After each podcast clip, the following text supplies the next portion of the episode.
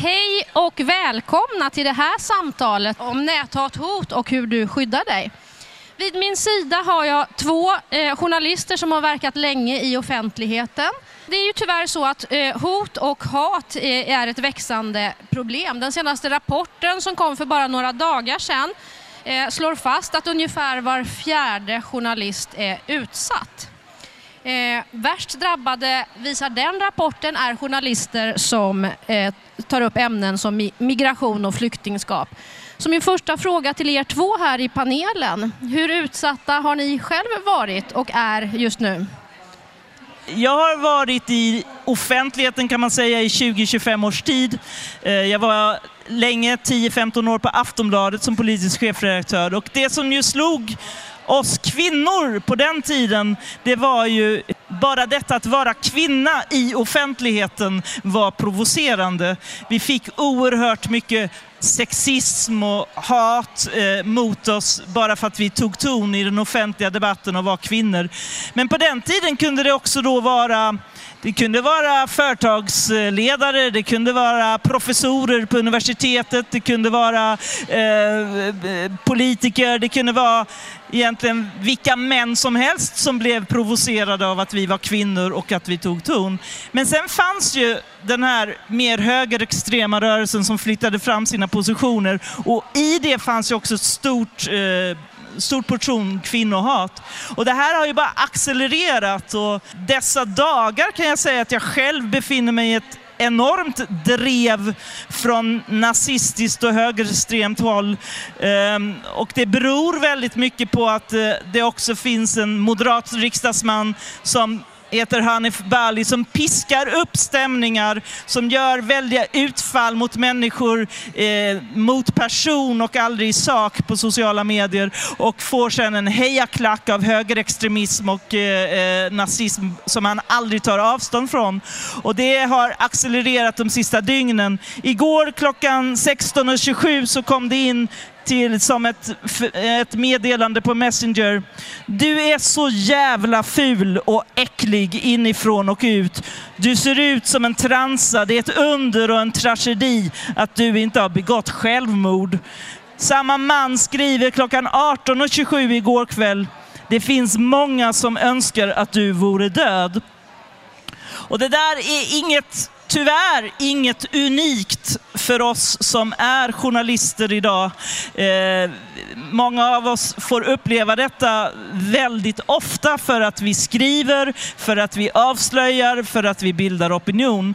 Eh, och det är en sorts hatkultur där man tar heder och ära av människor och det blir en avhumanisering i detta. Man är till slut inte människa längre. Så visst är man utsatt och det har pågått ganska länge men det är värre än någonsin idag kan jag säga. Delar du den verklighetsbeskrivningen Martin? Ja, absolut.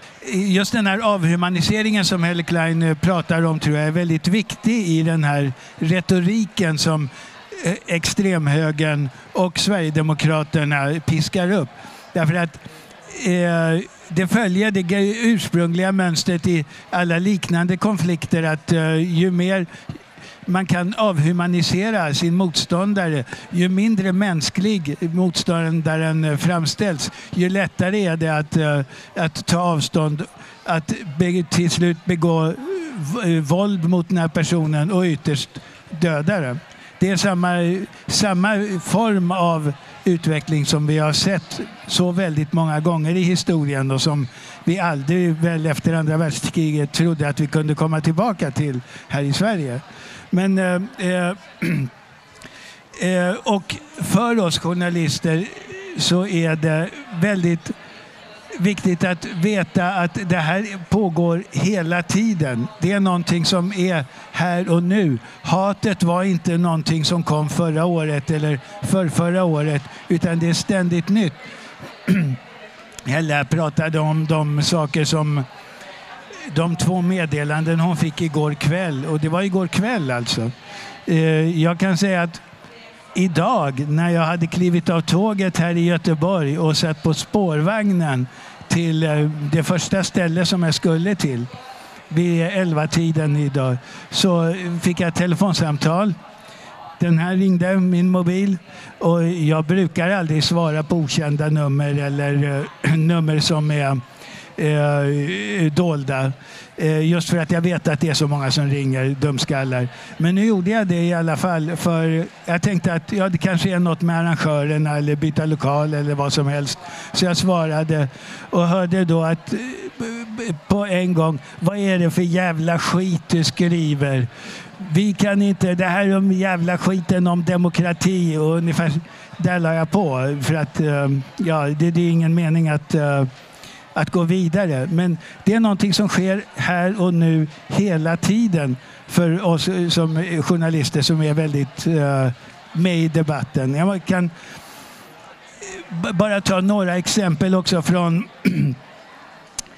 mejl som jag fått på bara den senaste tiden här jag hade skrivit om Alliansens misstroendeförklaring mot Peter Hultqvist. Spaltkilometer har skrivits om det. Det är ingen kontroversiellt ämne i sig, även om eh, debattens vågor går höga.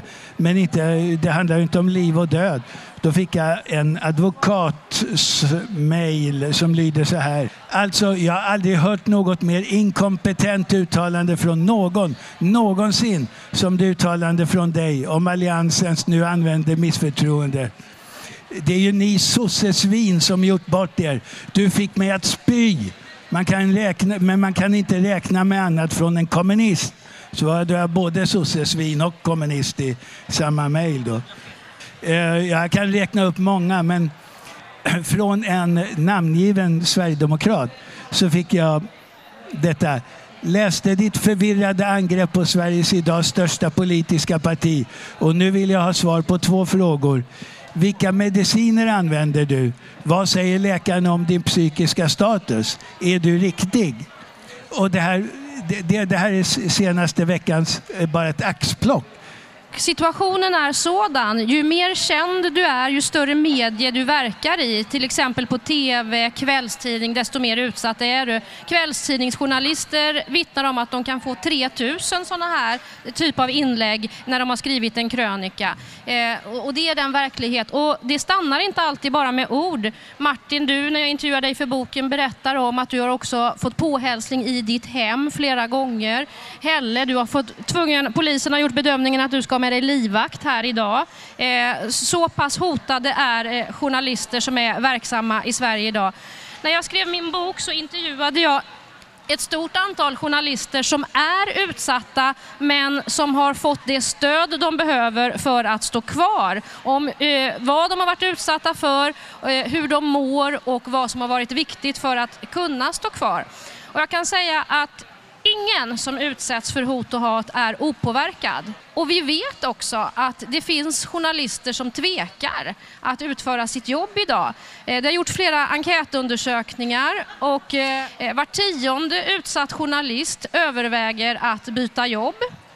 Det finns journalister som vittnar att de har till och med drabbats av självmordstankar efter detta e-, eviga hatdrev. Eh, och vi kan bara fråga oss i vilken mån det påverkar redaktionerna. Finns där en risk för självcensur? Eh, det gör det absolut. Eh, hat och hot och denna avhumanisering äter ju sig in i själen. Och jag tror också att det är väldigt viktigt att Alltså att, eh, att vi inte blir så hårdhudade att vi inte reagerar, för då är vi inte människor längre.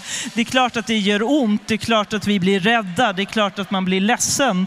Eh, men det viktiga är ju då att man ordnar på redaktionerna eh, stöd, att man tar det på allvar och att man har säkerhetslösningar. Men här är det ju ett demokratiproblem idag. När jag var på Aftonbladet så är det en stor och stark tidning som som har en säkerhetsavdelning, som har direktkontakter med polis och säkerhetspolis.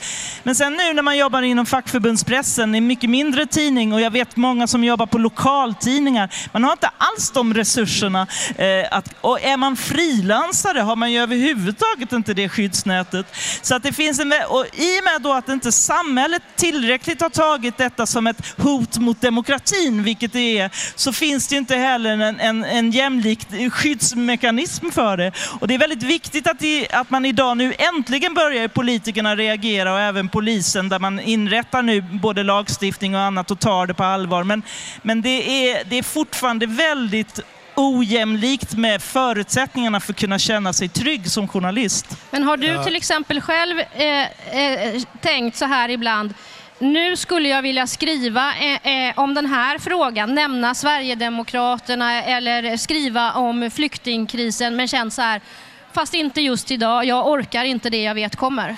Absolut kan man tänka så. Sen är jag väl jag är opinionsbildare, jag har det i mig, jag har levt med detta i så många, många år. Så att det är klart att jag drar mig för att inte skriva, alltså jag, jag, vill vara där på barrikaderna. Men, men självklart eh, så blir det, så kan man slås av, nej men orkar jag detta längre? Eh, och väldigt många, jag vet många också kollegor som, som faktiskt säger att jag orkar inte längre och man slutar. Eh, så att det är ett allvarligt... Och det, det skrämmande är ju att det, det, är en systematik i detta, för det går ut på att vi inte ska orka, att vi inte ska våga. Eh, men det finns ju nu i hela Europa med hela fascismens framväxt, men vi ser också i USA med den Amerika, amerikanska presidenten som ständigt ifrågasätter demokratins institutioner, där journalistiken, den fria fria journalistiken är det han hatar enormt och, och pekar på pressläktaren och säger där är folkefiende och sådär. Så, det, det här är ju ett, liksom ett fenomen egentligen i hela västvärlden just nu som är oerhört allvarligt. Ja, naturligtvis så är det, ligger självcensuren nära. Och eh, man är inte mänsklig om man inte reagerar och tänker att den här texten den kommer att ge mig så mycket hot och hat. Ska jag publicera den eller inte? Orkar jag med det eller inte? Det, det tror jag går igenom allas huvuden och jag har full respekt för alla de som jag vet också har sagt att nej, men det är inte värt det. Min, min familj, mitt liv är inte värt att fördärvas av detta hat och som har hoppat av. Vi, ja, vi fortsätter ju än så länge i alla fall. Men det finns en annan aspekt på det här och det är också att eh, eh, eh jag tycker att samhället, polisen och nazisternas försvarare vilket är ganska många här i Göteborg nu mer. Och vi hörde några av dem prata i gårdagens Agenda som säger att ja, men nazister får, måste få, få eh, eh demonstrera som alla andra och uttrycka sina åsikter. Det här är en typ av denna totalitära eh, åsiktsyttring som är i sin konstruktion sådan att det är ett eh, allvarligt menat angrepp mot demokratin. Och då kan man ju undra, är det verkligen yttrandefrihet? Det här att, eh, ska vi säga att eh, hoten mot mig, mot Helle Klein, mot alla andra journalister är ämnade för att tysta oss. Och nazisternas och de högerextremas eh, rätt att tysta alla andra motståndare. Det kan aldrig kallas för yttrandefrihet.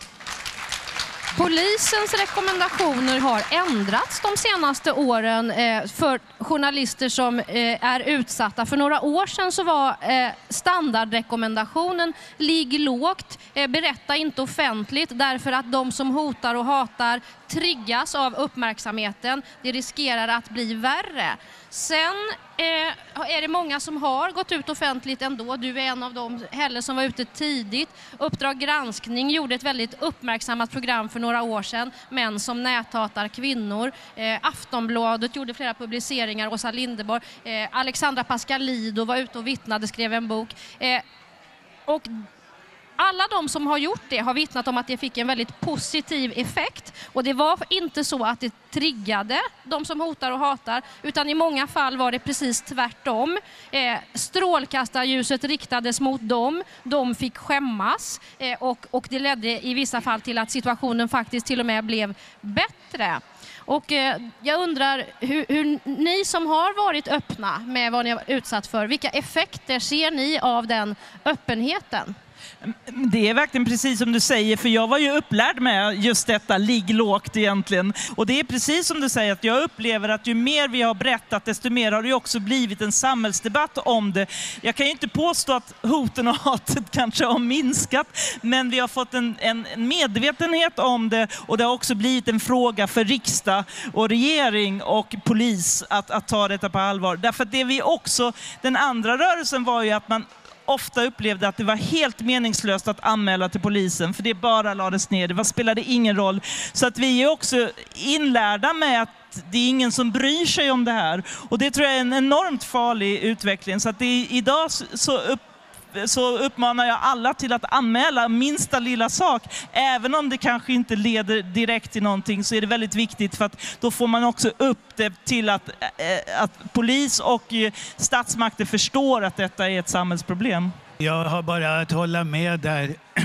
Den här eh, filosofin som polisen hade och som då också Journalistförbundet hade då jag diskuterade med dem för eh, kanske en 10-15 år sedan då det började komma den här typen av eh, hot och hat. Eh, det var ju att ligga lågt. Eh, berätta inte för någon för det, då hade, det fanns någon föreställning om att då triggar det bara igång ännu mer. Om du berättar om hoten så får du bara ännu mer hot. Och, sen var det ju de här uppläsningarna det var väl i Uppdrag granskning som ett antal kvinnor gick ut och läste upp rakt upp och ner vad de hade fått eh, för, för extrema och hotfulla och sexistiska eh, hot och hat. Och det var på något sätt, eh, då bröts isen. Efter det så hände någonting eh, väldigt positivt för debatten att det blev i alla fall synligt det här. Det finns ja. någonting som man vet om nu. Och jag tror också att det har medverkat till att vi på redaktionerna pratar om det. För det är klart att det har ju funnits en machokultur i journalistiken också där man ska minsann tåla saker och man ska minsann... Men nu när man, vi faktiskt samtalar om detta, att vi faktiskt mår dåligt av det, så blev det en medvetandegörande och som faktiskt i sig kan stärka modet. Eh, att, för kan man dela sin ångest med andra så kan man också bli modigare ihop. Eh, och det tror jag är jätteviktigt att man skapar nu någon slags modets infrastruktur, både i folkrörelser, i fackföreningar, men också i journalistiken. Att man faktiskt eh, tar hand om varann i modet att våga granska, våga avslöja, våga vara mot eh, fascismens framväxt. Och det är också en poäng med att vi gör detta är ju att eh, de som själva inte uttalar hot och hat men som bara är, är, är, väldigt skarpa i sin retorik men som i sina flöden har de som hotar och hatar. Det som hände i den förra vågens diskussion var ju att flera av dem la ner sina till exempel bloggar för att de tog ett ansvar för sin svans fanns. Och jag tror att det är väldigt viktigt att vi fortsätter visa på, Hanif Bali som du nämnde har en svans som eh, aktivt hotar dig. Eh, att han också måste ta ett ansvar för, för eh, den svansen.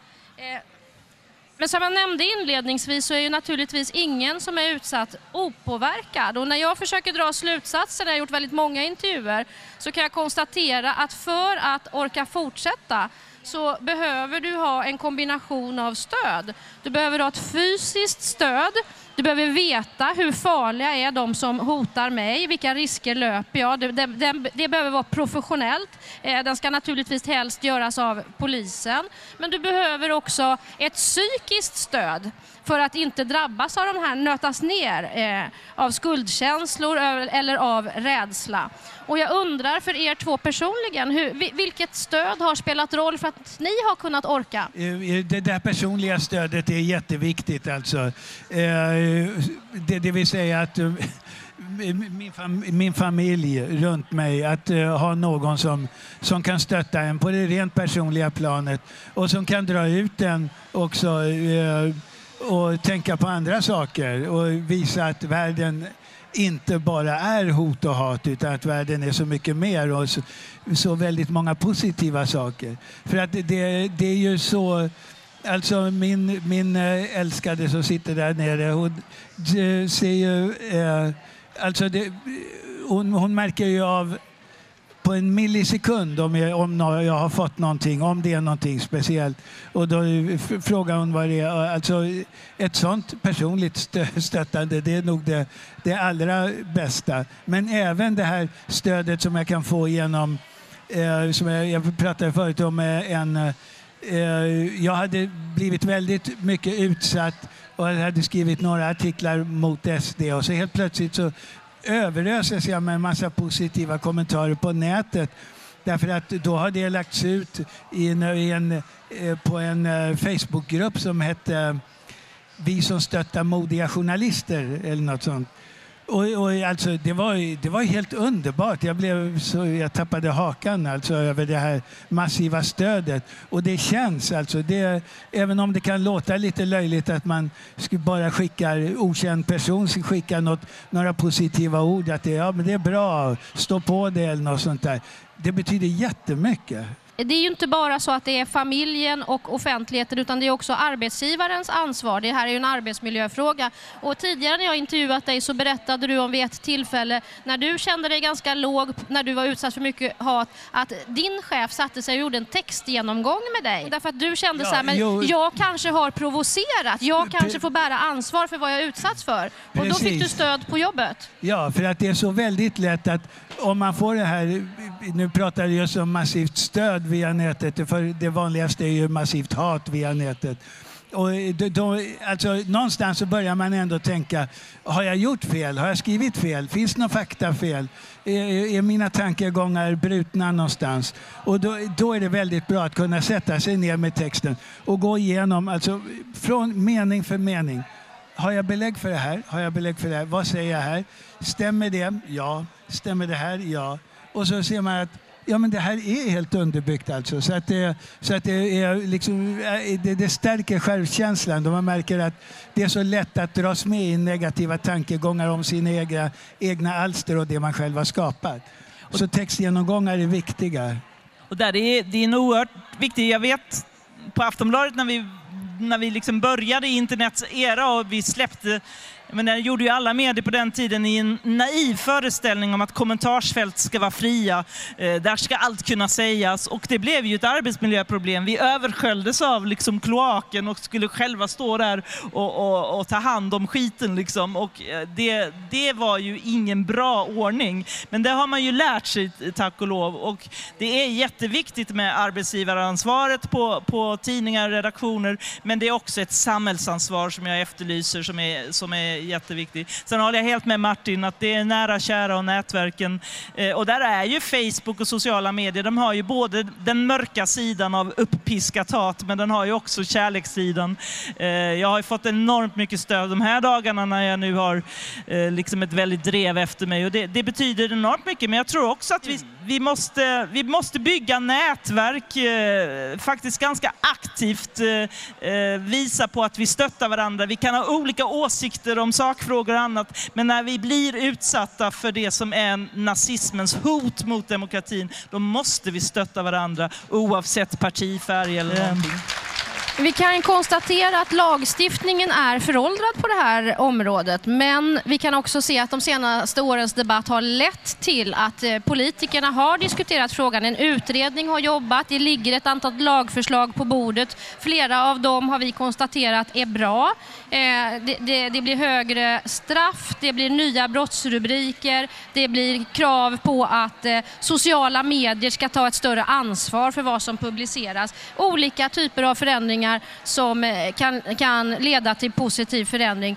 Men lagarna i sig räcker ju inte. Det måste ju också vara så att när man gör en polisanmälan så finns det en polis som har kunskap och resurser och intresse av att ta itu med det här. Och vi har sett ett antal uttalanden från polisen den senaste år, kanske de senaste två åren skulle man kunna säga, som eh, visar på att polisen tar frågan på allt större ansvar. Man har bildat dialoggrupper med journalister och så vidare.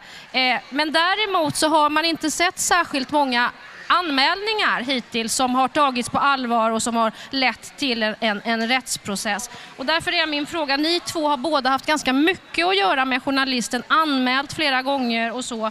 Tycker ni att det har hänt tillräckligt? Det går åt rätt håll, men det har varit väldigt trögt. Och jag kan nästan känna som att det har varit ungefär som på sexualbrottsdelen, att man länge hade inom juridiska myndigheter en syn på att det är kvinnans fel. Hon var utmanande klädd, eller du var liksom, det är ditt eget fel att du blir våldtagen. Eller det, det har ju funnits väldigt mycket sådana föreställningar. Sen har man haft en mycket bra samhällsdebatt och utbildningar inom, inom de juridiska myndigheterna just i de frågorna. Men nu är det verkligen, nu behöver man en lika mycket en utbildning om hur ser man, alltså vår roll är ju ibland att provocera faktiskt. Vår roll är att avslöja och granska, då blir man inte populär. Men det kan ju aldrig vara så att, att man inte får lov att göra det som är journalistikens viktigaste uppgift och att det framförallt tillhör eh, demokratin. Så jag, jag måste ju säga, det, det är positivt det som händer men det går för sakta. Och jag hoppas nu att de här lagändringarna som du pratar om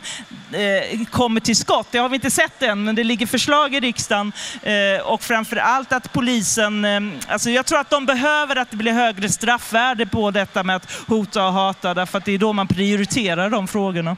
Min sista fråga till er blir, vilka strategier tror ni på? Jag tror faktiskt att eh, juridiken betyder mycket. Och det betyder mer än man tror egentligen. Därför att eh, rättssamhället måste ändå kunna sätta ramverket för eh, vilken debatt vi ska ha i samhället. Och därför att i, i, i grunden för detta så finns denna, som vi pratade om redan från start, här, avhumaniseringen av en, av en motståndare. Och, eh, det är ett direkt hot mot den, den demokratiska ordningen. Eh, att förklara journalister och annat PK som inte riktigt fullvärdiga människor. Alltså, och det är inte det ramverket vi kan ha i en demokrati. Och då måste vi ha ett rättsligt ramverk som slår fast inom vilka ramar vi ska ha en demokratisk debatt och vad som ligger utanför det och som vi inte kan acceptera i ett demokratiskt samhälle. Så juridiken betyder faktiskt väldigt mycket. Jag tror också sen att motsatsen till hat kanske inte bara är kärlek, det är viktigt med kärlek, men jag tror att motsatsen till hat är hopp.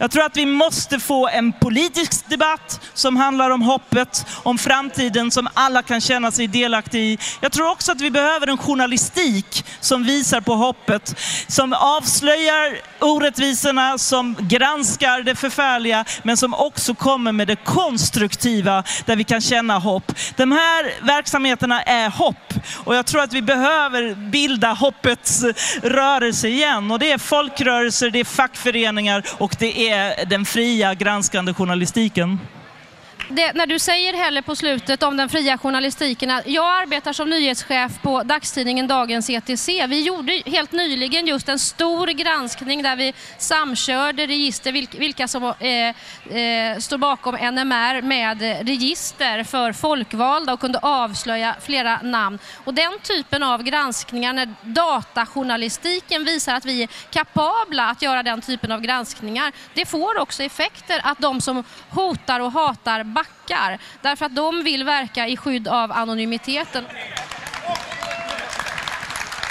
Tack Helle Klein.